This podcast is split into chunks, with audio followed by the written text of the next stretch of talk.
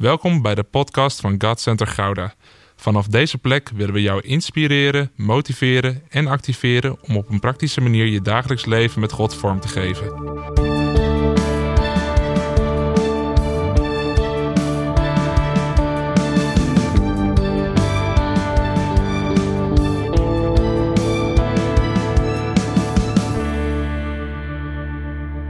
Hey, wat tof dat je luistert naar de God Center Gouda podcast. Hier willen we jou inspireren, motiveren en activeren in je dagelijks leven met God. Jij bent belangrijk, jij maakt een verschil en daarom willen we investeren in jou. En dat doen we nu juist in een periode waar we elkaar minder kunnen ontmoeten en door de omstandigheden niet samen kunnen komen. Toch willen we blijven vasthouden aan de belangrijke principes van de kerk en één daarvan is onderwijs en geestelijke toerusting. Vandaar de start van deze serie podcasts. Dit is de eerste aflevering van een serie waarin we gaan kijken met elkaar naar de principes van krachtig kerk zijn. En nee, dit is geen leiderschapstraining of een voorgangerspodcast. Nee, dit is voor jou. Want jij bent de kerk en samen zijn wij de kerk. En daarom is het ook zo belangrijk dat je de principes van krachtig kerk zijn ontdekt voor in je eigen leven. Dat heeft niet invloed op het instituut kerk, waardoor jij eventueel bemoedigd wordt. Het heeft invloed op jou en mede door jou heen wordt daardoor de kerk van Jezus gebouwd. Ben jij er klaar voor om principes te ontdekken die jou gaan helpen in je dagelijks leven? In de komende afleveringen gaan we één voor één een aantal principes behandelen. En dat doen we vanuit de eerste gemeente waar vier principes centraal stonden. En deze principes waarmee het begon, daar willen we naar gaan kijken. En dan hebben we het niet over de vormen, maar over de principes. En dat is een belangrijk verschil. Want het principe ligt altijd als een fundament onder de vorm waarmee je er uiting aan geeft. En weet je dat dat misschien wel vaak het probleem is van de kerk in de huidige tijd? Dat we te veel bezig zijn met de vormen. En de nadruk op de vorm is echt niet altijd erg. Maar als de vorm een eigen leven gaat leiden, dan gaat het fout. Als we daar te veel mee bezig zijn, dan worden de principes niet meer de richtingwijzers, maar dan gaan de vormen de richting bepalen. En soms moeten we even terugkijken naar het begin om een gezonde stap vooruit te kunnen zetten. En dat is precies wat we gaan doen de komende tijd met elkaar. De vormen kunnen verschillen, maar het is tijd dat we uit dezelfde principes gaan leven. En dat is belangrijk ook voor jouw dagelijks leven. Want wat als de principes van de kerk in zijn algeheel heel anders zijn dan die van de mensen die met elkaar de kerk vormen? Dan kunnen leiders van kerk een geweldige visie ontwikkelen aan de hand van de missie die de kerk heeft gekregen. En we kunnen die principes prediken, vormgeven, erop hameren en ze inprenten. Maar wanneer we die principes niet met elkaar gaan leven, wat heeft het dan voor zin? Dan wordt de kerk meer een zondagsbeleving, waar mooie lessen en waarheden uit het woord worden verkondigd. Maar dan wordt de kerk ook een zondagsbeleving waar met geheven handen God wordt aanbeden, met dezelfde handen als waarmee we door de week onze vuisten ballen in plaats van ze vouwen als het even tegen zit. Als we in handelingen lezen, wordt het duidelijk wat de kerk had. Ze hadden het woord van God, de geest van God en het bestond uit de mensen van God. En wij denken vaak dat we moeten zorgen dat de diensten aansluiten op een juiste doelgroep. Of we denken dat we de juiste ingrediënten moeten vinden om aantrekkelijk te zijn. En we denken dat we de Bijbelse boodschap in een modern jasje moeten stoppen. Maar het enige wat we echt moeten doen, is zorgen dat de kerk, jij en ik, vol zijn van het woord van God en de geest van God. Want als de mensen van God dat zijn, dan hebben we het over een krachtige en groeiende kerk. Vanuit de aanwezigheid van de mensen van God, vervuld met de geest en vol van het woord, zien we in Handelingen twee vier principes van de eerste gemeente. En deze principes gaan we de komende afleveringen af. De eerste is het volharden in het onderwijs. Het tweede wat ze deden was het vormen van een gemeenschap. Het derde wat ze doen is het breken van het brood. En het vierde wat ze doen is toewijden aan gebed. En dat zijn principes die je misschien wel wat vaker hebt gehoord. En waarop we volmondig antwoorden dat elke kerk ze in de praktijk zou moeten brengen. Maar wat als jij de kerk bent? De kerk is geen instituut waar mensen zich verzamelen. Nee, de kerk is een samenkomst van de mensen van God zelf. Laten we nu eerst even teruggaan naar die drie ingrediënten van de eerste gemeente. En de volgende keer gaan we kijken naar dat eerste principe. Een krachtige kerk heeft centraal staan de mensen van God die vol zijn van het woord van God en vervuld met de geest van God. En misschien denk je dan gelijk, ja, maar dat hebben we ook in onze visie genoemd, dat we omkijken naar mensen en dat het woord belangrijk is en de geest ruimte moet krijgen. Maar laten we een stapje terug gaan. Nog even voor de visie. Want de visie is een specifieke vormgeving van de missie en de missie die is voor iedereen hetzelfde. Oké, dus het eerste ingrediënt is de mensen van God. De kerk bestaat uit mensen. Een simpel statement en iedereen zal het ermee eens zijn als het in een volle zaal roept. Maar ik ga je even uitdagen om je eigen hart daarin te onderzoeken. Als jij op zondag in een normale situatie in een samenkomst komt, waar ben je dan het meest op gericht? Ben je daar om te kijken of je iemand kan helpen? Wie er een arm om zich heen nodig heeft, of misschien die nieuwe mensen een warm bad van liefde te bezorgen? Of ben je daar om zelf te ontvangen en de mensen te ontmoeten die jij op het oog hebt? Kom je naar de samenkomst omdat het voor jou een oplaadmoment is? Of is het samenkomen ook een moment om naar elkaar om te kijken en voor elkaar klaar te staan? Ik zal je zeggen, God heeft mij door de jaren heen zo geraakt in mijn hart. De kerk is niet de dienst. Nee, de kerk is er niet alleen maar om jou op te laden. De kerk zijn we ook met elkaar. Jij bent de kerk, maar de kerk draait niet alleen om jou. De eerste gemeente had dit begrepen. De mensen daar waren zo gericht op samenleven en voor elkaar klaarstaan. En dat deden ze niet alleen binnen de kerkgemeenschap, maar dat deden ze ook nog eens naar buiten toe. Ze gaven hun bezittingen aan mensen die het nodig hadden. Ze keken naar elkaar om. En daar ligt dan ook weer een gevaar, want soms kunnen we zo onder de indruk raken van de vorm, zoals de eerste gemeente dat deed en de mensen daar die verkochten alles, dat we niet meer in staat zijn om het principe dat eronder ligt in een andere vorm prachtig toe te passen. Want God vraagt niet van iedereen om alles te verkopen en op die manier samen te leven zoals de eerste gemeente dat deed. Maar het principe dat eronder lag, omkijken naar de mensen van God, dat mogen we niet uit het oog verliezen. Dus ik begin niet over die eerste gemeente omdat ik er naartoe wil werken, dat iedereen alles gaat verkopen. Nee, dat is helemaal niet de insteek. Maar waar ik naartoe wil, is dat we het principe dat eronder ligt weer gaan omarmen.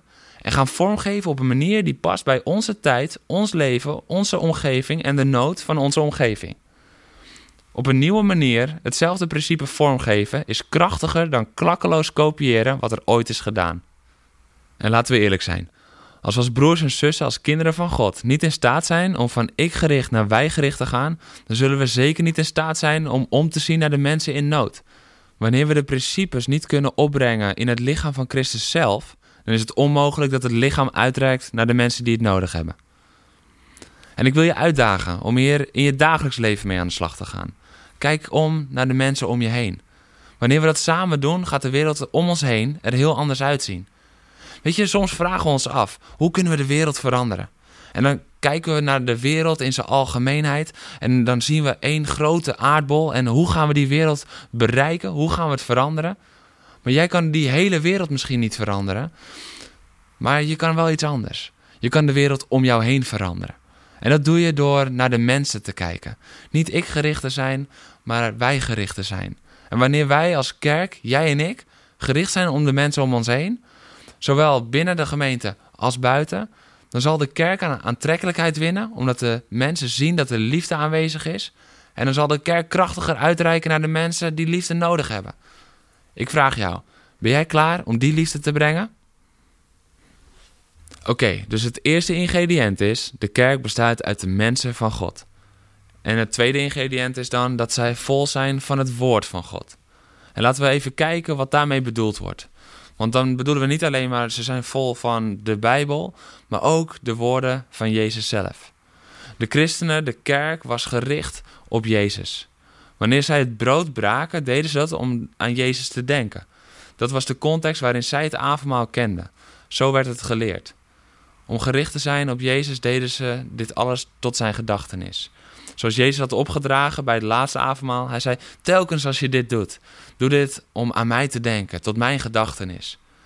En dit is nou ook een van die vier pijlers uit vers 42 van Handelingen 2, waarom de gemeente zo sterk was. Ze waren helemaal op Jezus gericht. En Jezus is het woord van God. Dat leren we in Johannes 1, vers 14. Het woord is mens geworden en heeft onder ons gewoond. Dus de gemeente, iedereen die Jezus aannam als redder en zich liet dopen, was gericht op Jezus. Ze waren niet gericht op wat ze er zelf uit konden halen, zoals we vaak naar de kerk of naar God kijken. Nee, het grote doel was om te kijken naar Jezus. Jezus is het woord. En we zien in Matthäus 16 dat de beleidenis van Petrus daar is. En op die beleidenis, daarop bouwt Jezus zijn gemeente. Op de getuigenis, de beleidenis van Petrus, gij zijt de Christus, de Zoon van de levende God, zoals in de MBG zo mooi geschreven staat. Dan zegt Jezus, en op deze beleidenis, op deze Petra, bouw ik mijn gemeente. En die Petra, dat is rots. Jezus Christus is het woord van God. Hij is de rots waarop de gemeente gebouwd wordt. En de poorten van het dodenrijk, de poorten van de hel, die zullen haar niet overweldigen. Waarom niet? Omdat Jezus de zoon van de levende God is, zoals Petrus daar uitsprak. En welke poorten kunnen dan niet overweldigd worden? De gemeente. En dat betekent jij en ik. En de vraag is dan: zijn wij vol van het woord van God? Zijn wij vol van Jezus? Zijn wij vol van de rots? Dat is de vraag voor de kerk. Is de kerk er vol van? En de kerk, dat zijn jij en ik. Dat zijn de mensen. En hoe blijven we dan vol van het woord van God? Want misschien ken je dat gevoel wel, dat je daarin faalt. Ik heb daar zelf ook zo lang mee geworsteld. Misschien herken je ook wel dat je tien keer bent begonnen met de Bijbel in één jaar doorlezen. Of je wilt iedere dag wil je een stukje lezen, maar zelfs met een dagboekje erbij lukt dat maar niet. Weet je, ik moest denken aan de woestijnreis van het volk Israël. Daar moesten ze elke dag manna rapen. Elke dag moesten ze het hemelse brood moesten ze rapen en eten, maar alleen voor één dag. Ze mochten niet te veel nemen om de volgende dag niet te hoeven werken. Nee, ze moesten elke dag een beetje. Niet te veel, een beetje. En elke dag een beetje is beter voor een mens dan één keer per week een overload. En zo is het ook met Gods woord in jouw leven. Ik wil je bemoedigen. Zorg er vooral voor dat je het als het ware elke dag een beetje eet. En dat kan dan één vers zijn of een heel klein stukje. Maar als je daar dan de hele dag mee wandelt, erover denkt, erover bidt, dan ben je het herkauwen en dan vult het je. En dat is soms veel beter over een klein stukje heel veel bezig zijn, dan dat je ellenlange stukken leest en amper iets kan opslaan. Vol zijn van Gods woord is geen kwestie van kwantiteit, maar van kwaliteit. En ik daag je uit om dagelijks vol te worden. En dan zeg ik dus niet dagelijks uren in je Bijbel lezen. Nee, maar zorg ervoor dat je dagelijks vol wordt. En dat zal dan ook weer jouw verlangen doen groeien en je passie doen toenemen naar het woord van God. Oké, dus het eerste is, de kerk bestaat uit de mensen van God. Het tweede is dat de mensen vol zijn van het woord van God. En dan nu het derde ingrediënt. Ze zijn vol van de geest van God. De Heilige Geest is niet gegeven om zich vooral te laten zien of ervaren wanneer we samenkomen. Nee, de Heilige Geest is in jou komen wonen, zodat je dagelijks met Hem kan leven. Zijn aanwezigheid betekende in de eerste gemeente dat er steeds nieuwe dingen gebeurden, dat de vruchten en gaven van de Geest zichtbaar waren. En weet je waarom ze zo aantrekkelijk waren? Dat is omdat ze de mensen bereikten met het evangelie en daardoor groeiden ze, maar dat deden ze samen met de kracht van de Heilige Geest. Ze moesten wachten. Ze moesten wachten totdat de eerste gemeente kwam op de Pinksterdag. Moesten ze wachten van Jezus tot de Heilige Geest kwam en ze met zijn kracht bedouwd werden. En als wij groei verwachten van flitsend licht, goed geluid of een op de minuut afgemeten draaiboek, dan zijn we in de verkeerde bron aan het tappen om groei te verwezenlijken in de kerk. Nee, de aanwezigheid en de zichtbaarheid van de geest van God maakt dat de kerk mooi is. Want dat maakt de mensen mooi. In Matthäus 5 spreekt Jezus uit dat wij het licht van de wereld zijn. Hij is natuurlijk het licht van de wereld, maar wij zijn gezonden zoals hij werd gezonden. Dus nu zijn wij het licht in de wereld. En dan heeft hij het in zijn uitleg over een standaard en een lamp. En die lamp moet je niet onder de korenmaat zetten. En daarmee zegt hij eigenlijk: ja, je gaat een lamp toch niet onder de tafel zetten, want dan kan hij geen licht meer geven. En in Openbaringen 1, vers 20, daar zien wij dat de standaard de gemeente is. En de lamp, dat is de geest van God, zegt spreuken. Wij zijn als kerk geroepen om de standaard te zijn, om de kandelaar te zijn. En daardoor is de geest van God zichtbaar. En dat betekent dus ook dat wij effect hebben op hoe zichtbaar de geest van God is. Dat is niet omdat hij anders minder aanwezig is, maar omdat hij minder wordt opgemerkt, omdat wij ervoor kiezen om hem misschien wel even onder tafel te zetten. Maar wij zijn als kerk geroepen om hem op een standaard te zetten en niet onder de tafel, zodat het duidelijk wordt dat de geest van God aanwezig is en werkt. De Heilige Geest is voor iedereen. En in hoeverre vinden wij ons geloof en de aanwezigheid van de Geest beschikbaar voor iedereen? Vaak willen we laagdrempelige dienst houden voor als we mensen meenemen. En willen we niet te moeilijke dingen meemaken, want die moeten we dan weer uitleggen. Maar eigenlijk zegt dit vers dat de aanwezigheid van de geest is bestemd voor alle mensen.